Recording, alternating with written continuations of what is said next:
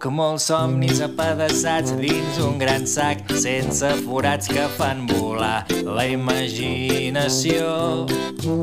Faig de la vida un lloc millor. Somia truites, em diràs quan em vegis pels carrers xiulant, cantant i somrient. Si estic content, somnis vaig fent. La ventada traïdora.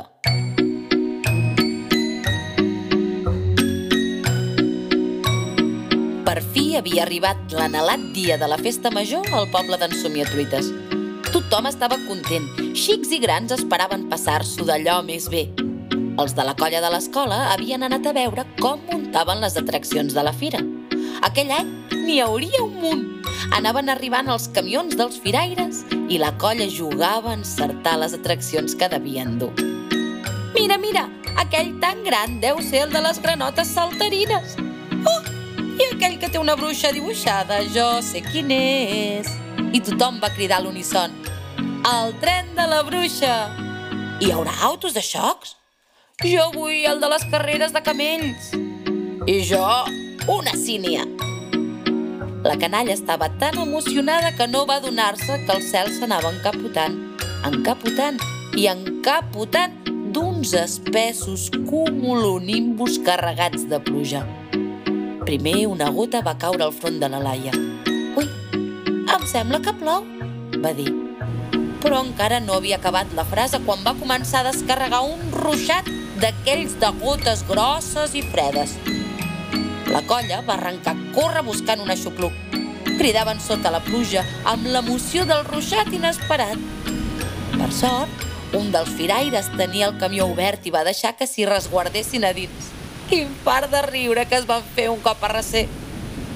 Sort que eren a les portes de l'estiu i feia caloreta perquè havien quedat ben xops. Però de l'emoció per l'aventura del ruixat van passar la preocupació. I si la pluja no parava? Els firaires no podrien muntar les atraccions. Va començar el moment de les especulacions. Que si serien quatre gotes, que si havien dit per la ràdio que venien dies de pluja... I mentre xerraven, la pluja va parar i el cel es va començar a aclarir. D'un bot van anar saltant del camió que els havia servit de refugi. Amb la corredissa de la pluja no s'hi havien fixat.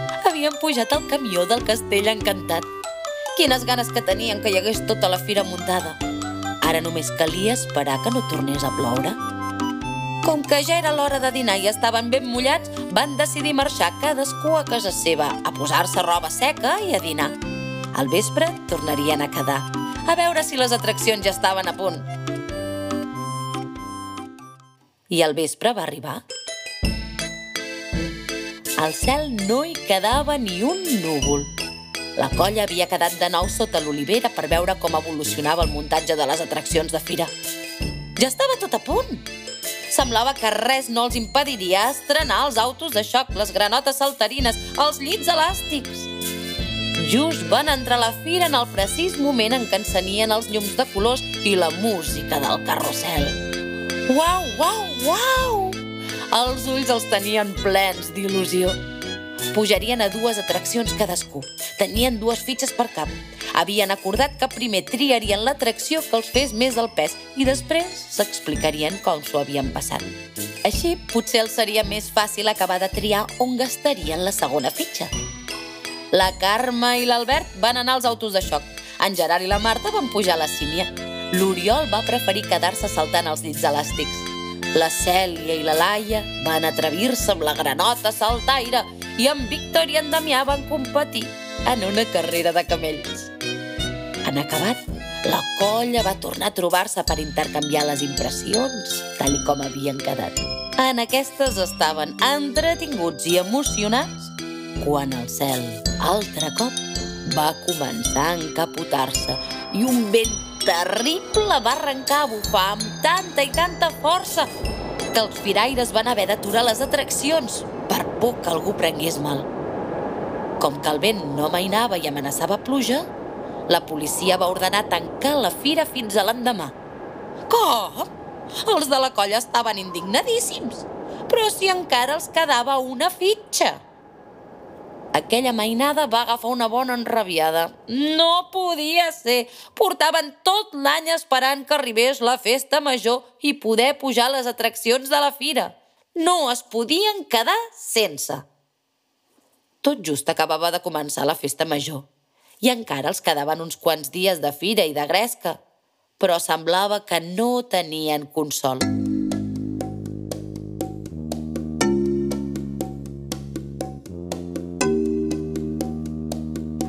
Qui tampoc va fer cap gràcia aquella forta ventada va ser en Somiatruites.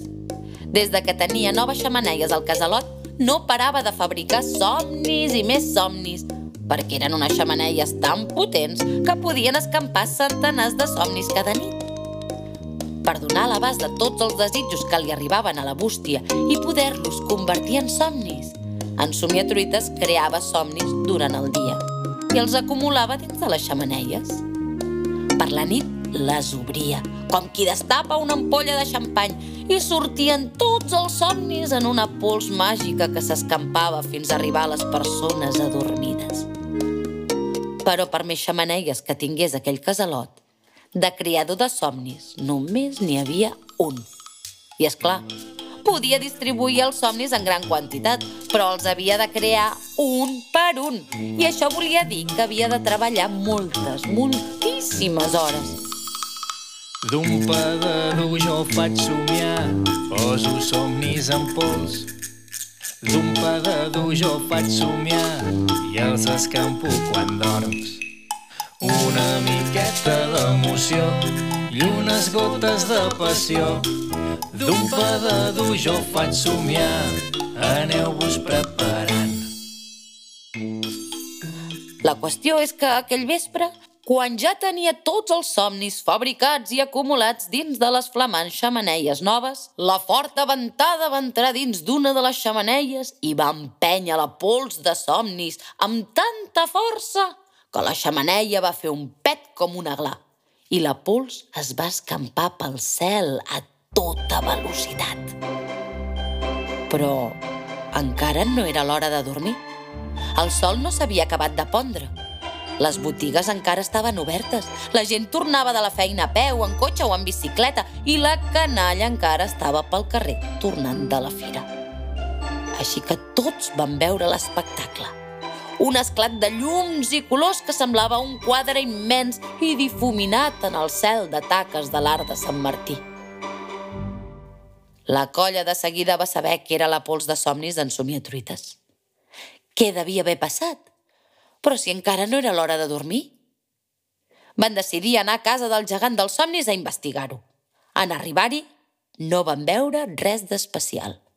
La casa estava tancada, les xamaneies al seu lloc, i per més que trucaven al timbre, en Somiatruites no els obria la porta. El vent encara bufava en ratxes molt fortes. La colla va seure sota el porxo del casalot per arrecerar-se. Estaven preocupats pel seu amic. Treballa massa, deien uns. Sí, fa un munt de dies que no surt a passejar, deia l'altre. Estaven preocupats, però sense saber massa bé què fer. Tenien raó. Feia dies que en somiatruites, cap ficat en buidar sacs de desitjos de somnis, no tenia temps per sortir al carrer.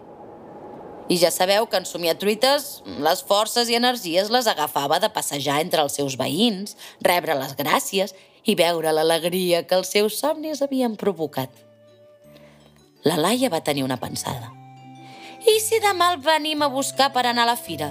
Què us sembla? Home, Laia, va respondre en Guiu. A la fira no podrà pujar cap atracció, que és massa gros. Aquella canalla va esclafir en una forta riallada. Imaginaven en somiatruites enfilat als autos de xoc i a la sínia.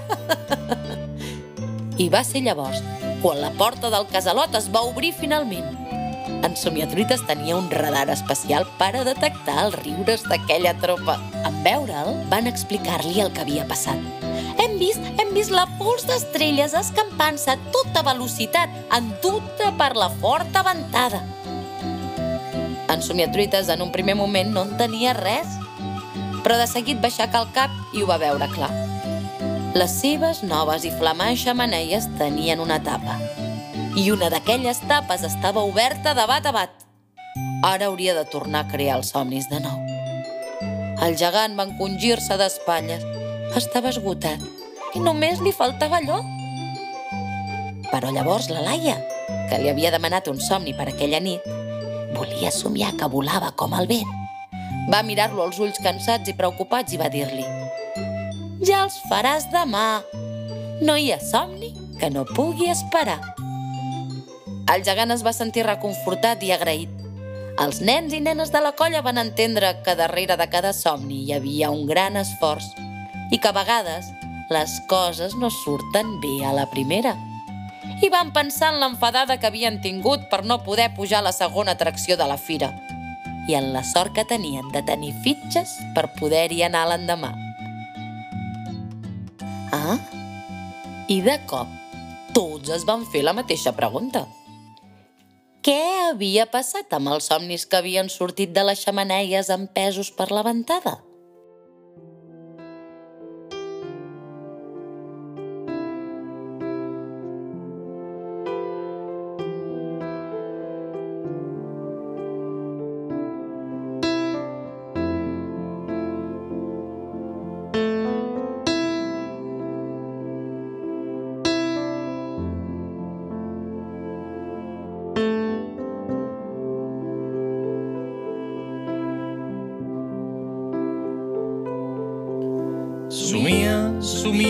De valent, aquí no hi ha límits, ves fent i desfent.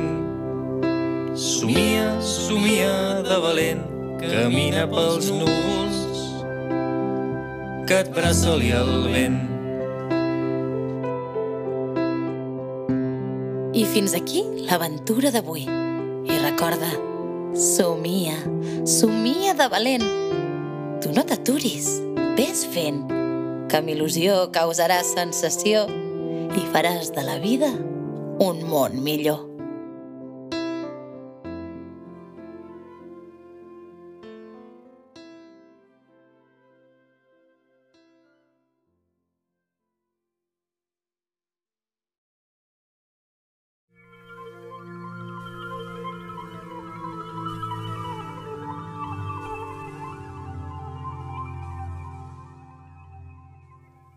Quedes amb nosaltres una estoneta més? Perquè ara és l'hora de crear la teva pròpia història.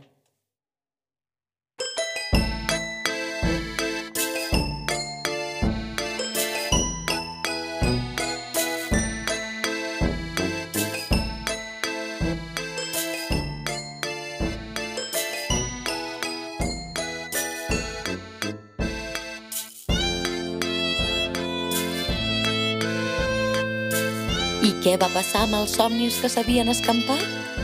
La veritat és que ni el gegant ni els infants van saber trobar la resposta. Però jo la sé. Resulta que la pols de somnis va començar a colar-se per les finestres de les cases, com feia cada nit. Però, en no trobar ningú dormint als llits, es va esmunyir en els somnis d'aquells habitants de les cases que sí que estaven dormint. Que si un canari, que si un hàmster, que si un gos, un peix. O potser no va anar així la cosa. Mm. I tu, que ho saps? Què t'imagines que va passar amb la pols de somnis?